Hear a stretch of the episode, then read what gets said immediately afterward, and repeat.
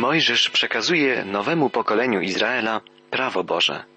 Naucza, w jaki sposób Izraelici będą oddawać cześć Bogu, okazywać Mu posłuszeństwo, gdy przebywać już będą w ziemi Kanaanu.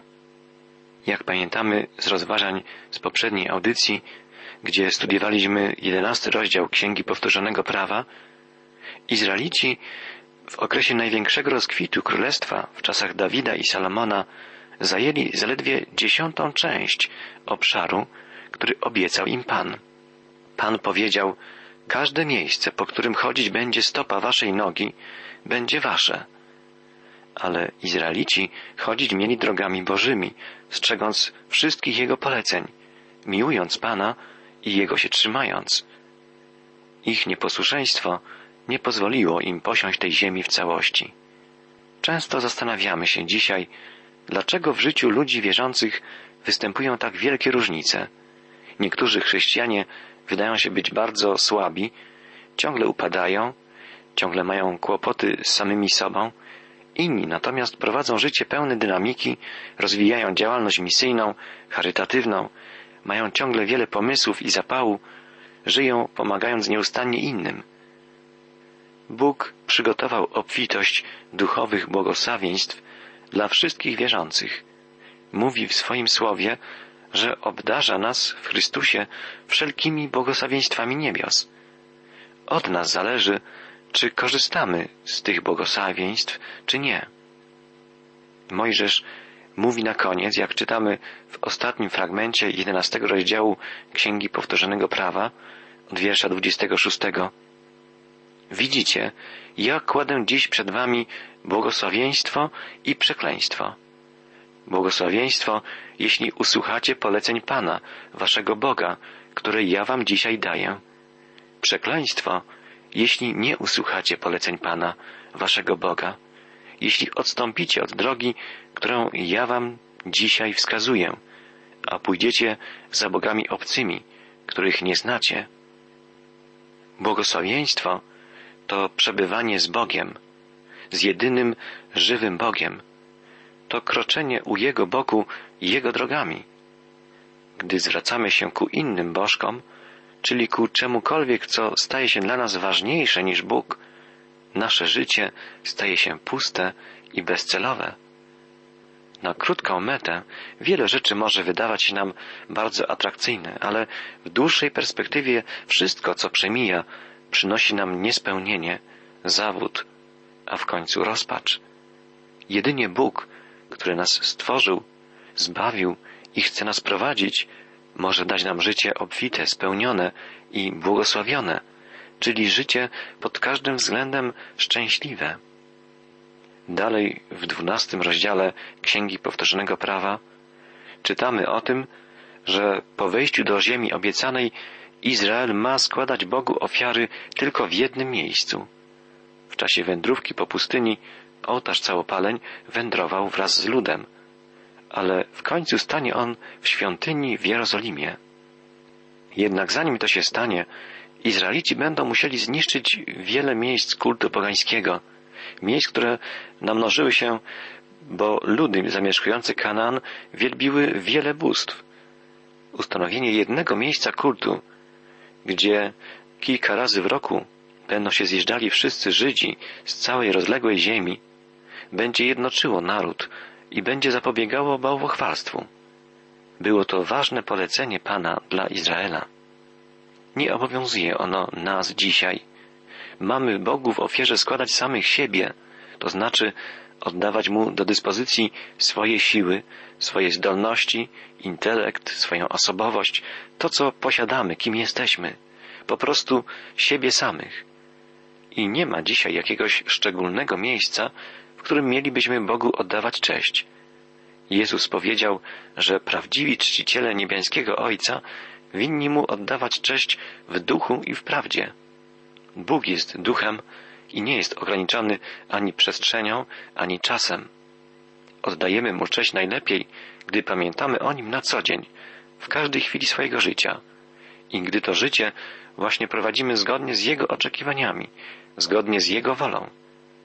Jest to możliwe jedynie gdy poznamy Jezusa i gdy pozwolimy Mu w nasze życie wkroczyć i przemieniać je.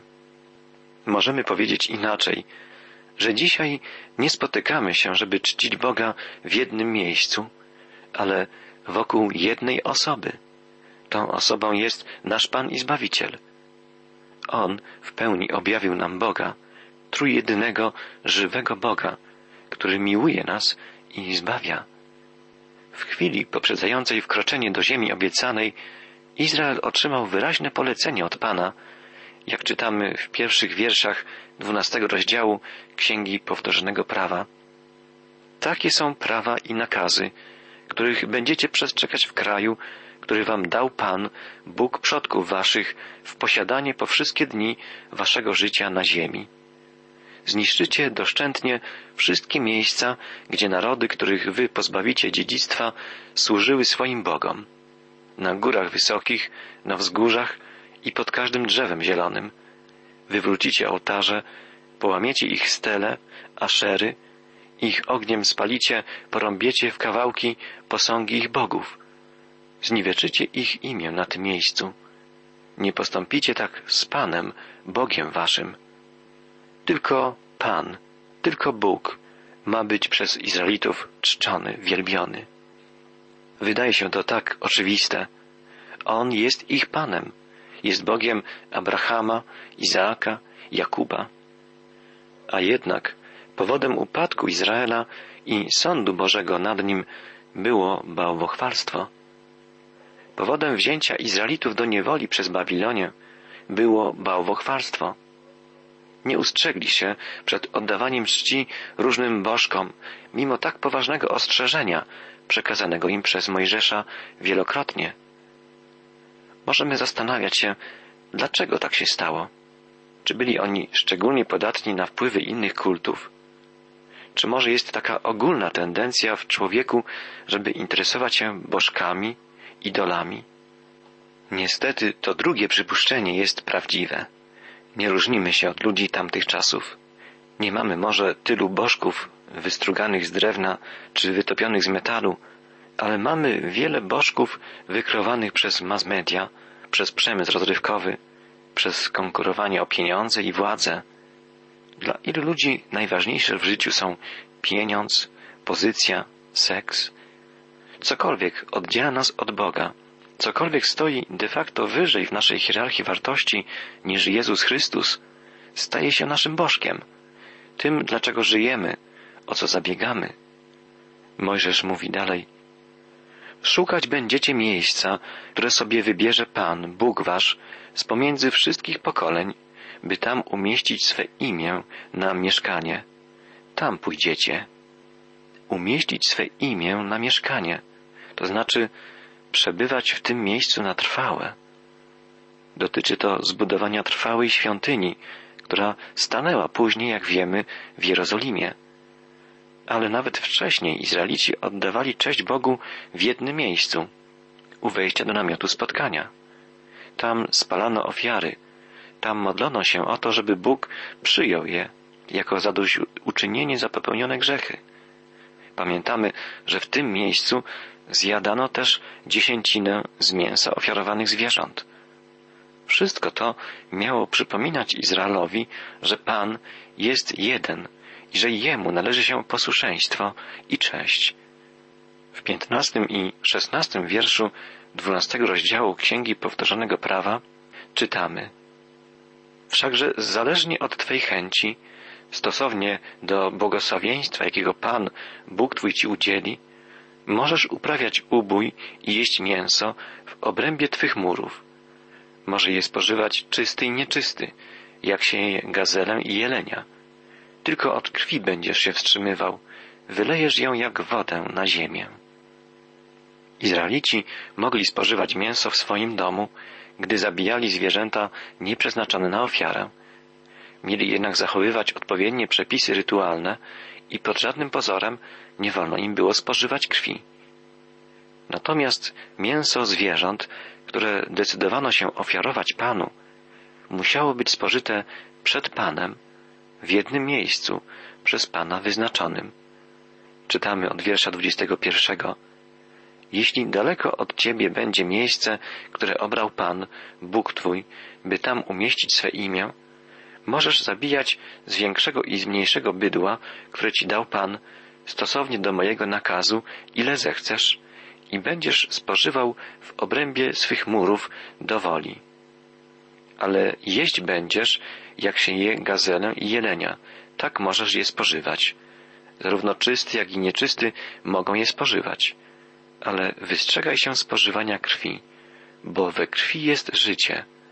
I nie będziesz spożywał życia razem z ciałem. Nie będziesz jej spożywał, ale jak wodę na ziemię ją wylejesz. Nie spożyjesz jej, aby ci dobrze było i synom twoim potopie, za to, że uczyniłeś, co słuszne jest w oczach Pana. Na pustyni, jak pamiętamy z naszych rozważań poświęconych trzeciej księdze Mojżeszowej, Izraelici musieli każde zwierzę, nawet nie przeznaczone na ofiarę, przynosić przed wejściem do namiotu spotkania i tam było ono zabijane. To chroniło lud przed pokusą składania jakichkolwiek innych ofiar bożkom. Gdy Izraelici zamieszkają w rozległej ziemi Kanaanu, będą mieszkali zbyt daleko od Jerozolimy, żeby przybywać z każdym zwierzęciem tutaj. Mogą więc zabijać swoje zwierzęta w swoich domostwach.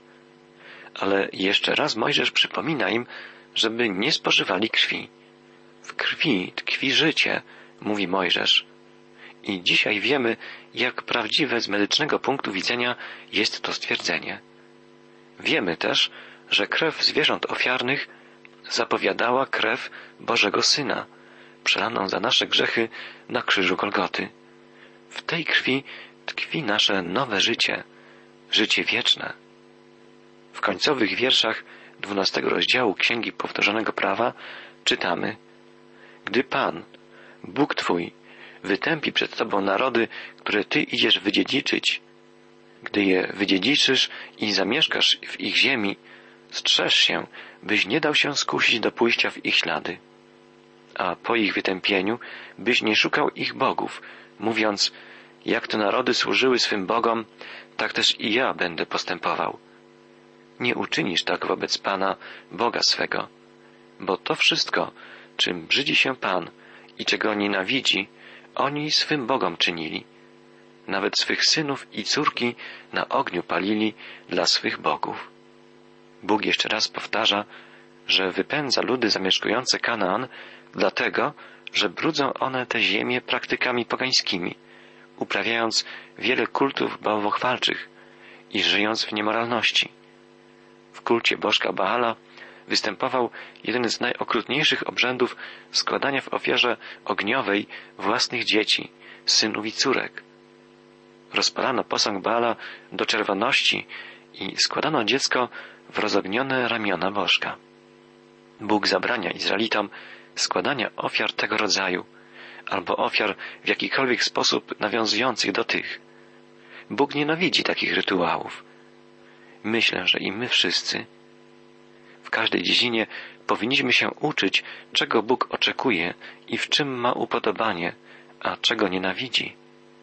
Powinniśmy nienawidzieć tego, czego On nienawidzi, a więc przede wszystkim grzechu, a kochać to, co On miłuje. Mojżesz ostrzega Izraelitów przed błędami, które popełniło poprzednie pokolenie Izraela oraz przed błędami ludów pogańskich zamieszkujących Kanaan. W początkowych wierszach następnego, trzynastego rozdziału Księgi Powtórzonego Prawa czytamy Jeśli powstanie u Ciebie prorok lub wyjaśniacz snów i zapowie znak lub cud i spełni się znak albo cud, jak Ci zapowiedział, a potem Ci powie chodźmy do bogów obcych, których nie znałeś i służmy im, nie usłuchasz słów tego proroka albo wyjaśniacza snów, gdyż Pan, Bóg Twój, doświadcza Cię, chcąc poznać, czy miłujesz Pana, Boga swego, z całego swego serca i z całej duszy. Za Panem, Bogiem swoim pójdziesz. Jego się będziesz bał, przestrzegając Jego poleceń. Jego głosu będziesz słuchał, Jemu będziesz służył i przylgniesz do Niego. To ostrzeżenie i równocześnie polecenie jest skierowane jak gdyby wprost do naszego współczesnego społeczeństwa. tylu mamy dzisiaj przepowiadaczy, wróżbiarzy, układaczy horoskopów, fałszywych proroków. Przed wszystkim tym Bóg zdecydowanie ostrzega. Nawet jeśli towarzyszą tym wszystkim zjawiskom rzeczy ponadnaturalne, rzeczy zdumiewające, nie powinniśmy się nimi fascynować, nie powinniśmy się nimi w ogóle zajmować. Bóg jest Panem całej rzeczywistości, i tej widzialnej, i tej niewidzialnej. Objawił nam też drogę, po której mamy iść, żeby dojść do Niego. Drogą tą jest Jezus Chrystus. Izrael miał też jasno wytyczoną drogę do Pana. Drogą tą było prawo, prawo przekazane im przez Mojżesza. Mieli wierzyć i ufać Bogu, a nie fascynować się różnymi nowinkami czy zjawiskami ponadnaturalnymi. Bóg objawia nam prawdę, taką prawdę, która jest nam potrzebna do życia spełnionego, szczęśliwego. Gdyby Izrael żył zgodnie z przekazanymi mu przez Mojżesza Bożymi przykazaniami, jego życie byłoby szczęśliwe. Jezus powiedział, ja jestem prawdą i drogą i życiem. Nikt nie przychodzi do Ojca inaczej, jak tylko przeze mnie. Możemy więc być pewni, że żyjąc z Jezusem, znamy prawdę i jesteśmy na właściwej drodze. Nie potrzebujemy innych objawień, nie potrzebujemy innej prawdy. Każdy z nas osobiście powinien wziąć sobie do serca słowa, które Bóg kieruje do nas za pośrednictwem Mojżesza. Za Panem, Bogiem swoim pójdziesz. Jego będziesz się bał. Jego głosu będziesz słuchał. Jemu będziesz służył i przylgniesz do Niego. Bóg ostrzega nas, żebyśmy nie stawiali na pierwszym miejscu ponadnaturalnych zjawisk, cudów i znaków, bo mogą być one zwodnicze. Tak jak w czasach Mojżesza było wiele bożków i wiele kultów pogańskich, tak dzisiaj wielu jest fałszywych nauczycieli, cudotwórców, uzdrowicieli, wiele objawień i niezwykłych wydarzeń. Jeśli takie zjawiska nie są jednoznacznym wskazaniem na Jezusa i nie stoją w zgodzie z wszystkimi podstawowymi prawdami objawionymi nam w Bożym Słowie, są one pochodzenia demonicznego i odwodzą nas od Boga. Zwróćmy uwagę, że Mojżesz mówi o przypadkach, w których fałszywy prorok lub cudotwórca coś zapowiada i tak się rzeczywiście dzieje. Następuje zapowiadany znak, na przykład uzdrowienie lub inny cud, ale to nie świadczy o tym, że ten człowiek jest prawdziwym Bożym prorokiem. Musimy zawsze badać, dokąd prowadzi nas działalność takiego cudotwórcy. Czy do Boga? Czy jego działalność i jego nauczanie jest dla nas potwierdzeniem Bożej prawdy, czy też prowadzi nas do fascynowania się samymi cudami i tak naprawdę prowadzi nas w innym kierunku, odwodząc od Boga. Posłuchajmy dalszych słów Mojżesza. Wiersz szósty. Ów zaś prorok lub wyjaśniacz snów musi umrzeć, bo chcąc się odwieść od drogi, jaką iść ci nakazał Pan, Bóg Twój, głosił odstępstwo od Pana, Boga Twego, który Cię wyprowadził z ziemi egipskiej, wybawił Cię z domu niewoli. W ten sposób usuniesz zło spośród siebie. Każdy fałszywy prorok, który odciągał lud izraelski od Pana i prowadził do uwikłania się w jakikolwiek kult pogański, każdy taki prorok musiał być ukamienowany. Było to surowe działanie, ale było to postępowanie przypominające działanie w przypadkach stwierdzenia w organizmie choroby nowotworowej. Rak musi być usunięty, odcięty, zniszczony. W przeciwnym przypadku to on zniszczy cały organizm. To ukazuje nam Boże spojrzenie na działalność fałszywych proroków, jasnowidzów i cudotwórców. Prowadzą oni do uwikłania się ludzi w rzeczy, które odwodzą od Boga i od Jego słowa. Dzieje się tak nawet wtedy, gdy ktoś rzekomo opiera swoją naukę o Boże Słowo, ale robi to nieuczciwie, powołując się na pojedyncze, wyrwane z kontekstu wersety biblijne. Zwróćmy uwagę, jak wielu współczesnych fałszywych proroków czy cudotwórców powołuje się na Biblię, ale gdy przyjrzymy się ich nauce z bliska, zauważymy, że prowadzi ona nie do Boga, ale do ludzi, do ich własnych nauk. I widzimy, jak tragiczne w skutkach są na dłuższą metę efekty ich działalności. Znamienne jest to, że szatan również cytował Słowo Boże, zwodząc Adama i Ewę, albo wtedy, kiedy kusił Jezusa, także powoływał się na Słowo, tylko nieznacznie je przekręcał, wyrywał je z kontekstu i stosował nie w taki sposób i nie w takich okolicznościach, sytuacjach, jak te opisane w Biblii. I w ten sposób powstawała nauka fałszywa, odwodząca od Boga. Dzisiaj pozwalamy, by wiele fałszywych nauk wkraczało w naszą kulturę, w środki masowego przekazu, nawet do szkół, a Boże Słowo jest właściwie nieobecne. Nie chodzi o to, by wszędzie wisiały krzyże, ale o to, by Boża prawda była prezentowana współczesnym ludziom, tak bardzo potrzebującym wieści o kochającym, przebaczającym, zbawiającym Bogu. Boża sprawiedliwość i Boża miłość powinna być znana każdemu człowiekowi.